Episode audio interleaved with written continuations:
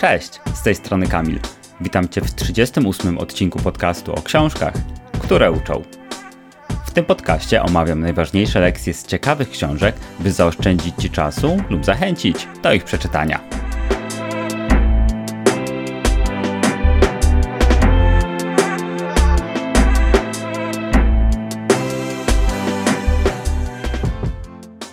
Dlaczego w wielkich firmach ludzie nie mogą doczekać się poniedziałków? Dlaczego tak wiele osób przychodzi do pracy odbębnić godzinę i wysiedzieć swoje, zamiast faktycznie realizować swój potencjał i być częścią czegoś większego? Chciałbym to wiedzieć. I ty prawdopodobnie też. Więc zapraszam cię do zapoznania się z książką Strategia Lean autorstwa Radka Drzewieckiego.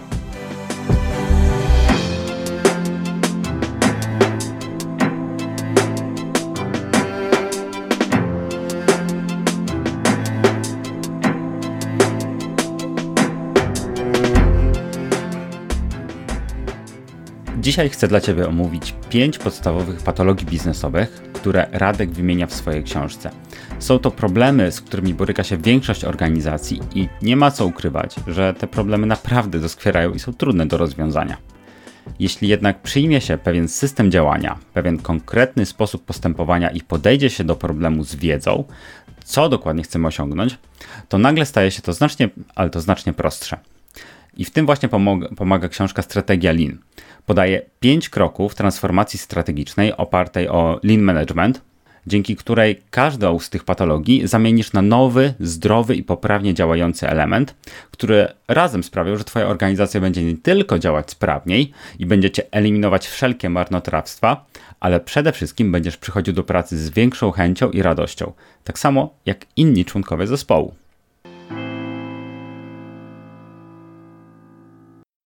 A na wstępie jeszcze dopowiem dla osób, które nie wiedzą, że Lean Management, zwyczajowo nazywał, nazywane Lean, to jest koncepcja zarządzania przedsiębiorstwem, która rozwinęła się w oparciu o zasady i narzędzia, które zostały wdrożone w systemie produkcyjnym Toyoty. I na podstawie tych wytycznych, które tam stworzono, e, właśnie Radek e, napisał swoją książkę i dostosował niejako to podejście do realiów, w których on pracuje. Także myślę, że to będzie całkiem przydatne dla Ciebie, szczególnie, że moim zdaniem ta książka jest przede wszystkim dla osób, które są właścicielami firm, prezesami, menadżerami lub którzy po prostu myślą o transformacji Lean jako o poważnym przedsięwzięciu, a nie jakimś takim robionym z boku projekcie wdrożeniowym. Jest to też książka dla liderów, których, którzy chcą się nauczyć, czym jest świadome przywództwo, e, jak budować efektywne zespoły oraz jak angażować i rozwijać pracowników. Ale, żeby nie mówić tylko o takich osobach wysokiego szczebla zarządzania, Według Radka to jest też książka dla wszystkich, którzy chcą się dowiedzieć, jak stworzyć wielką firmę i mieć szczęśliwych pracowników. Tak po prostu. A sam autor, Radek Drzewiecki, jak sam mówi, jego misją jest inspirowanie ludzi, by nie marnowali swojego życia, a firm do stwarzania warunków, w których mogą wszyscy wygrywać. I od ponad 16 lat zajmuje się transformacjami Lean. Swoje doświadczenia zdobywał pracując w firmach motoryzacyjnych oraz pełniąc rolę Lean Managera w General Electric.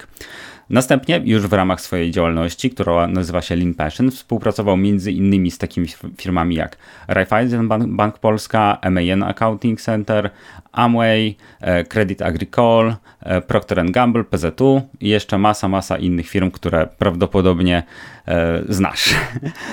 Co daje mu naprawdę, naprawdę przynajmniej moim zdaniem, całkiem dobre podwaliny do tego, żeby faktycznie uczyć nas czym jest Lean. A skoro wiemy już, czym jest Lean, kim jest autor i dla kogo jest ta książka, to przejdźmy do omówienia tego, na co, co, czym chciałbym się podzielić i co moim zdaniem w książce jest bardzo istotne dla, dla zrozumienia całego jej kontekstu. Oczywiście tutaj nie streszczam całej książki, ona jest bardzo obszerna i posiada bardzo dużo kluczowych elementów, które właśnie, w których Radek dokładnie opisuje, co i jak po kroku wdrożyć. Ale tutaj chciałbym się tylko podzielić taką dozą inspiracji. Dlatego opowiem o pięciu patologiach biznesowych, które według autora są biznesowym nowotworem XXI wieku i które po prostu zakłócają pracę w firmach, niezależnie od wielkości i od roli, jaką pełni ona w ekonomii. Pierwsza patologia podział na my i oni, czyli tak zwane silosy.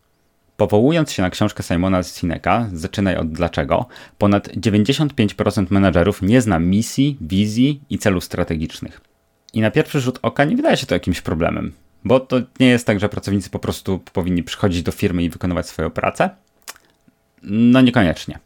To, że przychodzimy do biura, siadamy przed komputerem i zabieramy się do roboty, jest tak naprawdę tylko ostatnim elementem całego łańcucha. I choć w małych firmach może być to trudno zauważalne, bo kiedy mamy na pokładzie kilka lub kilkanaście osób, które dzielą się między sobą pracą, ale wciąż mają ze sobą bliski kontakt, to ten przepływ informacji e, jest wydajniejszy i każdy wie po co robi swoją pracę, ale też kto przejmuje ją po nim. Jakby ten cały proces jest, jest w miarę jasny. Problem urasta wraz ze wzrostem organizacji, choć oczywiście w tych małych też może być taki występować. Kiedy dzielimy się na konkretne działy, izolujemy się w grupach projektowych, nie zwracamy uwagi na cały proces i to, co jest tak naprawdę dostarczane do klienta. Odgradzamy się takim bardzo solidnym murem, e, który utrudnia komunikację. I to powoduje, że jakiekolwiek usprawnienie na poziomie całej firmy jest niesamowicie trudne, bo mało kto zwraca uwagę na to, co jest dalej niż ekran jego monitora. Po prostu przychodzi, wykonują swoją pracę i jego nie obchodzi to, co na przykład e, w innym dziale dostają w wyniku jego pracy, ani to, co dostał tak? I nie zastanawia się nad tym, jak to może poprawić. A rozwiązanie według autora jest całkiem proste. Czy proste? Nie proste. Na pewno jest trudne do wdrożenia, ale proponuje on zapoznać członków organizacji z misją, wizją i celami strategicznymi firmy. To jest taka podstawa w ogóle, bez której niewiele więcej będziemy w stanie zbudować. A zrobić to trzeba tak, żeby każdy wiedział, po co robi to, co robi, do czego to prowadzi, jaki ma efekt końcowy.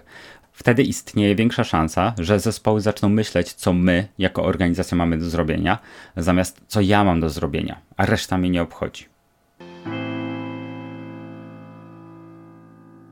Patologia druga. Ludzie przychodzą do roboty. Według badań Instytutu Galupa ponad 85% osób przychodzi do pracy, ponieważ musi, nie ma innego wyjścia lub dla pieniędzy, a jedynie 15% pracowników w skali światowej odczuwa satysfakcję z pracy a wcale tak być nie musi. Motywacja finansowa faktycznie jest jednym z powodów, dla których ludzie idą do pracy, ale nie jest jedynym. Jest ogrom organizacji, np. pożytku publicznego, które nie oferują swoim członkom żadnego wynagrodzenia, poza czystą satysfakcją i świadomością, że robią coś ważnego i przydatnego dla innych. A jeśli osobę pracującą w takiej organizacji zapytasz, czym się zajmuje, to prawdopodobnie prędzej odpowie ci, że na przykład pomaga ludziom w trudnej sytuacji wyjść na lepszą drogę, a nie, że przekłada papiery z miejsca na miejsce lub chodzi z ulotkami. A te organizacje różnią się od wielu firm właściwie tylko tym, że nie, generują przychodu. I obstawiam, że większość firm i ich działania pomaga ludziom. Czy to jest na przykład zakład y, mechaniczny, czy to jest jakaś firma produkcyjna, czy to jest firma usługowa, czy szpital. Jakby tam są ludzie, którzy z definicji jakby ich rolą jest pomaganie innym. Po prostu nie jest to widoczne na pierwszy rzut oka, szczególnie dla zarządu albo dla osoby, która siedzi za, biurko, za biurkiem na przykład w księgowości. A największymi zmartwieniami są zwykle kwestie finansowe i przetrwanie takiej organizacji. Jeśli jednak zajrzymy głębiej, poza ten schemat, to okazuje się, że wizja, którą realizuje organizacja, jest w stanie bardzo wyraźnie określić sens istnienia roli, którą pełni każdy z jej członków. Ludzie nie muszą wcale przychodzić do roboty ze świadomością, że jak odbębnią swoje, to mogą w końcu zająć się czymś pożytecznym. Nie, ludzie przychodzą do roboty, kiedy mają szefa, który mówi dokładnie, co mają robić i nie oczekuje od nich jakiejkolwiek inicjatywy. To tak, jakbyś na przykład mówił lekarzowi, jakie recepty ma wypisywać, albo pilotowi, w jaki sposób ma latać samolotem. To jest kompletnie bez sensu. I oczywiście trochę przesadzam, idąc stopą autora, ale chodzi mi o nakreślenie pewnego schematu, który sprawdza się tylko w mniejszości przypadków. Taki dyrektywny właśnie schemat. Jakie jest więc rozwiązanie? Otóż rozwiązaniem jest to, żeby zaangażować pracowników w tworzenie rozwiązań i dać im możliwość posiadania realnego wpływu na rozwój firmy.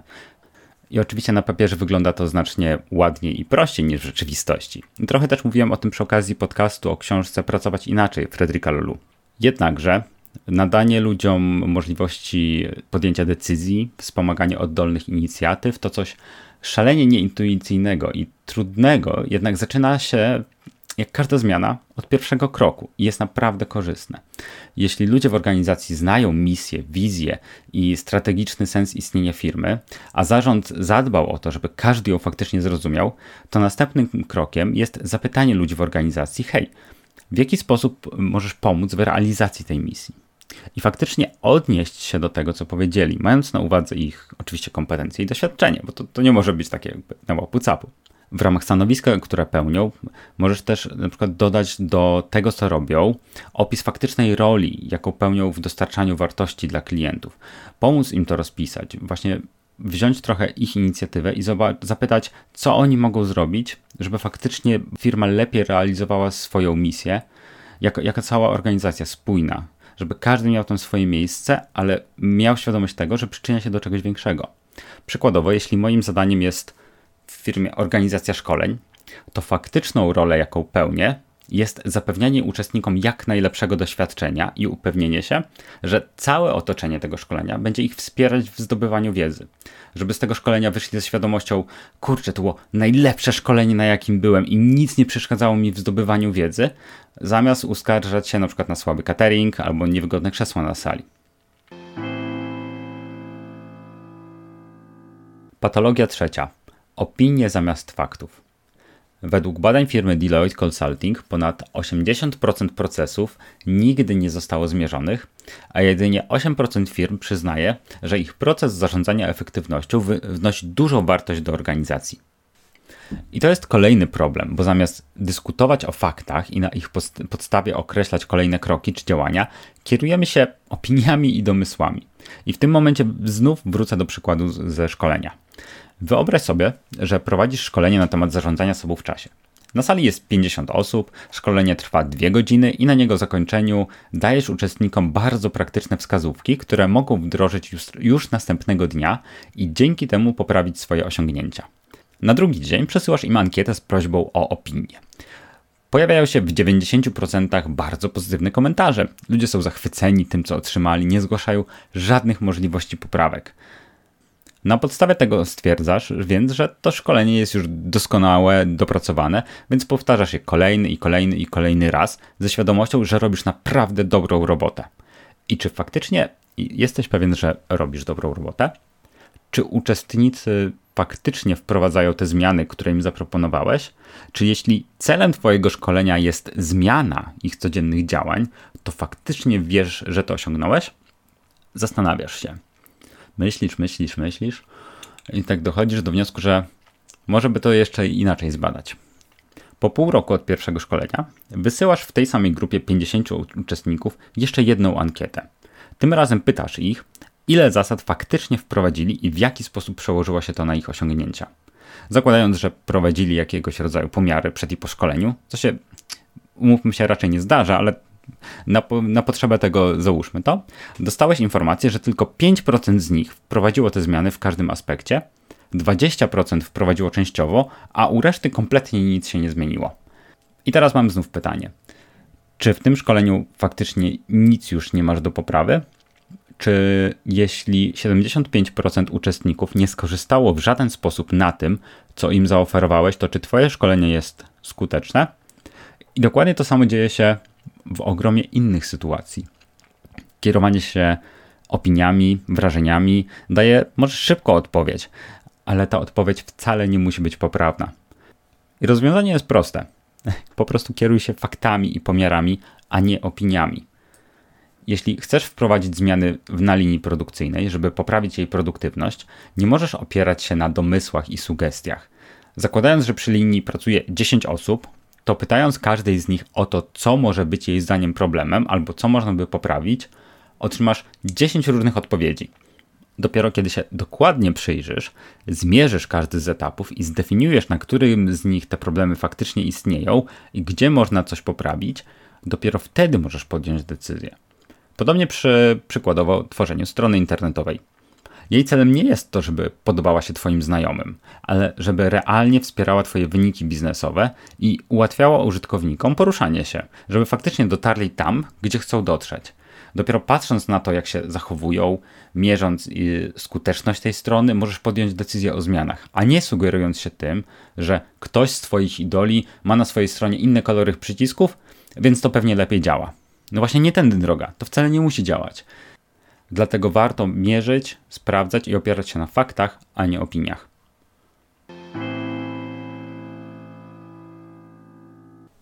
Patologia czwarta. Ego menadżerowie. Według raportu Global Leadership Forecast ponad 90% liderów improwizuje w pracy, a jedynie 30% pracowników działu HR uważa, że poziom przywództwa w organizacjach jest wysoki. Jak autor tłumaczy, wynika to z tego, że w większości firm przywództwo jest dziełem przypadku. Nie wynika z wartości, zachowań, reguł czy wytycznych, jakie daje dział HR. Zależy tylko i wyłącznie od człowieka, jego postawy, umiejętności, cech przywódczych i doświadczenia. I może się to wydawać całkowicie naturalne. W końcu każdy człowiek jest inny, ma inne predyspozycje, inaczej będzie podchodził do roli lidera. To nie oczywiste, ale czy to właśnie o to chodzi, żeby ktoś nauczony dyrektywnego podejścia i narzucania swojego zdania właśnie w taki sposób podchodził do swojego zespołu, nawet jeśli to nie służy jego pracy? Czy to właśnie o to chodzi, żeby koleś siedzący na piątym piętrze w klimatyzowanym biurze rozsyłał notki i upomnienia do pracowników na hali produkcyjnej? Choć jemu to może wydawać się całkiem wygodne i całkowicie racjonalna metoda, to, to prowadzi do bardzo groźnej sytuacji sytuacji, w której menadżer podejmuje decyzję nie znając procesu produkcyjnego i możliwości, a pracownicy zostają pozostawieni sami sobie z komunikatem macie sobie z tym poradzić i nie obchodzi mnie jak to zrobicie.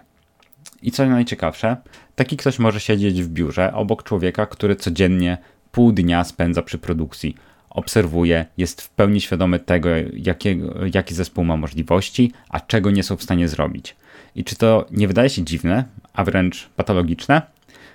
Właśnie tak, a wynika to z tego, że większość organizacji nie ustaliła standardów przywództwa i zarządzania. Nie ma jasnych wytycznych dla liderów i menadżerów, a wobec tego przywództwo staje się po prostu dziełem przypadku.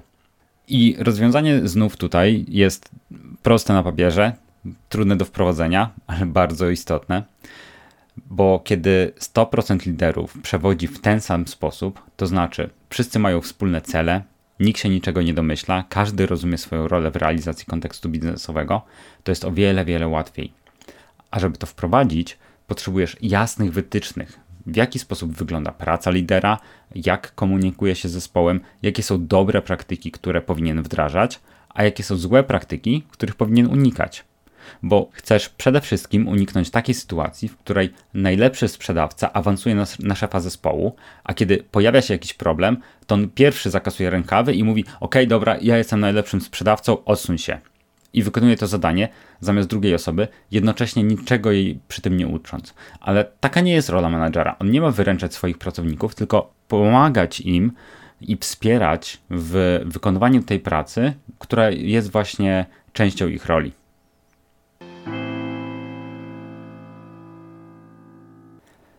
Patologia piąta. Doskonalenie przeszkadza biznesowi.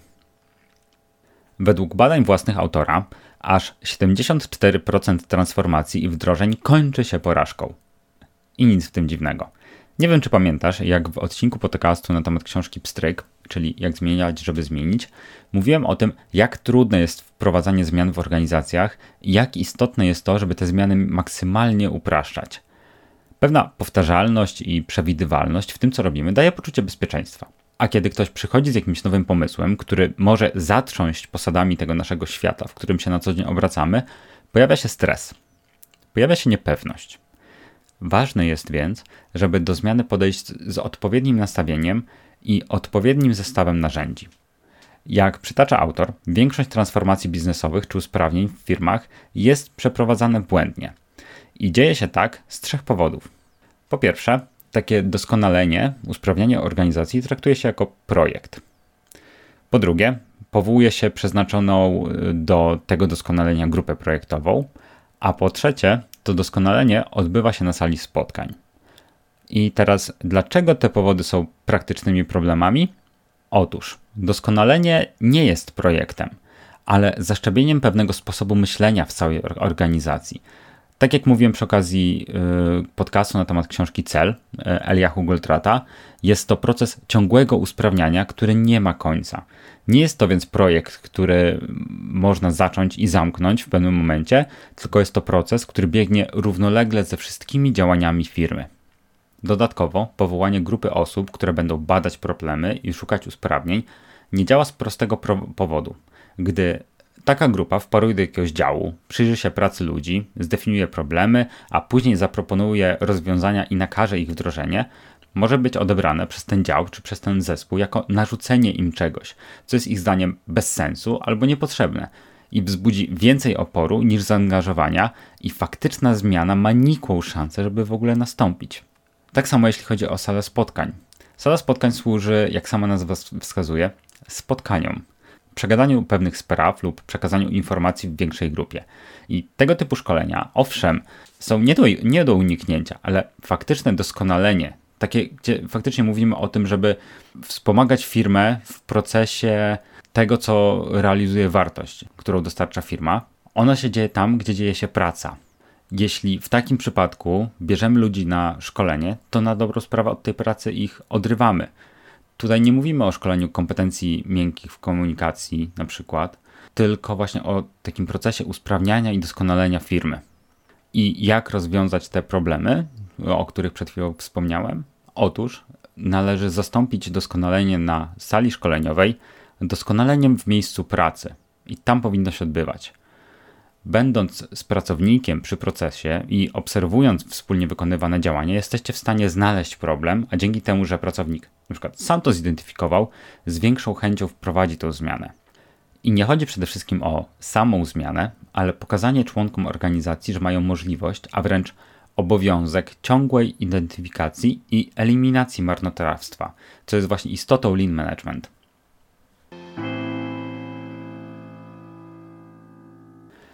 I to właśnie było pięć patologii biznesowych, o których opowiada Radek Drzewiecki w swojej książce Strategia Lean, a odpowiedzi, jak dokładnie wdrażać te usprawnienia, o których mówi, jaki, jaki jest system właśnie strategii Lean, który on wraz ze swoim zespołem opracował w ramach doświadczenia, oczywiście znajdziesz w, w tej książce.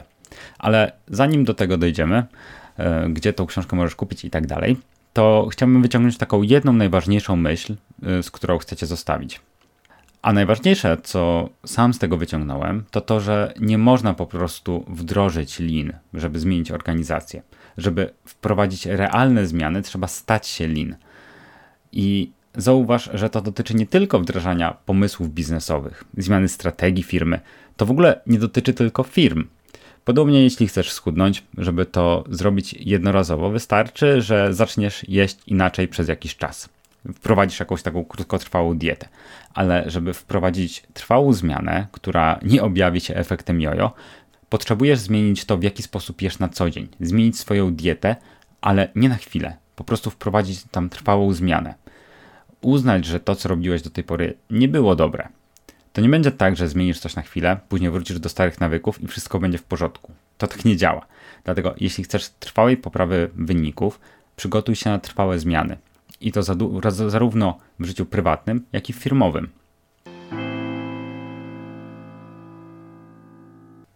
I cóż, to by było na tyle w dzisiejszym odcinku. Dziękuję Ci bardzo za wysłuchanie. Mam nadzieję, że coś z tego, co mówiłem, e, do Ciebie trafiło i faktycznie przyda Ci się w realizacji zarówno prywatnych, jak i firmowych e, działań może akurat jesteś menadżerem albo masz własną działalność i zatrudniasz pracowników i, i może były tutaj jakieś porady, które faktycznie będziesz w stanie zastosować.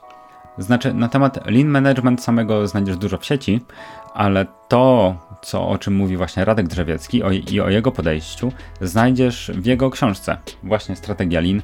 I tą książkę możesz kupić na stronie radekdrzewiecki.pl. I akurat dzięki temu, że tą książkę właśnie od, od Radka dostałem, to też yy, w ramach tego, właśnie, że słuchasz tego podcastu, to na hasło podcast pisane przez C dostaniesz 15% rabatu na tą książkę, jeśli kupisz ją do 5 lipca. I myślę, że co ważne też, żeby wspomnieć, to 10% przychodu ze sprzedaży książki Radek przekazuje Fundacji Mam Marzenie, której misją jest y, spełnianie marzeń dzieci w wieku od 3 y, do 18 lat. Takich dzieci, które cierpią na choroby zagrażające ich życiu. Także jak dla mnie bardzo również szczytny cel i cieszę się, że są autorzy, którzy, którzy chcą wspomagać różne fundacje i organizacje w tym, co robią, które mają jakąś misję i które chcą ją realizować i, i realnie zmieniać świat. Także to by było na tyle. Dziękuję Ci bardzo za raz jeszcze za obecność, wysłuchanie tego odcinka. E, zapraszam oczywiście do, do, na, na stronę Radka. Także nie przedłużając, trzymaj się ciepło i do usłyszenia w następnym odcinku.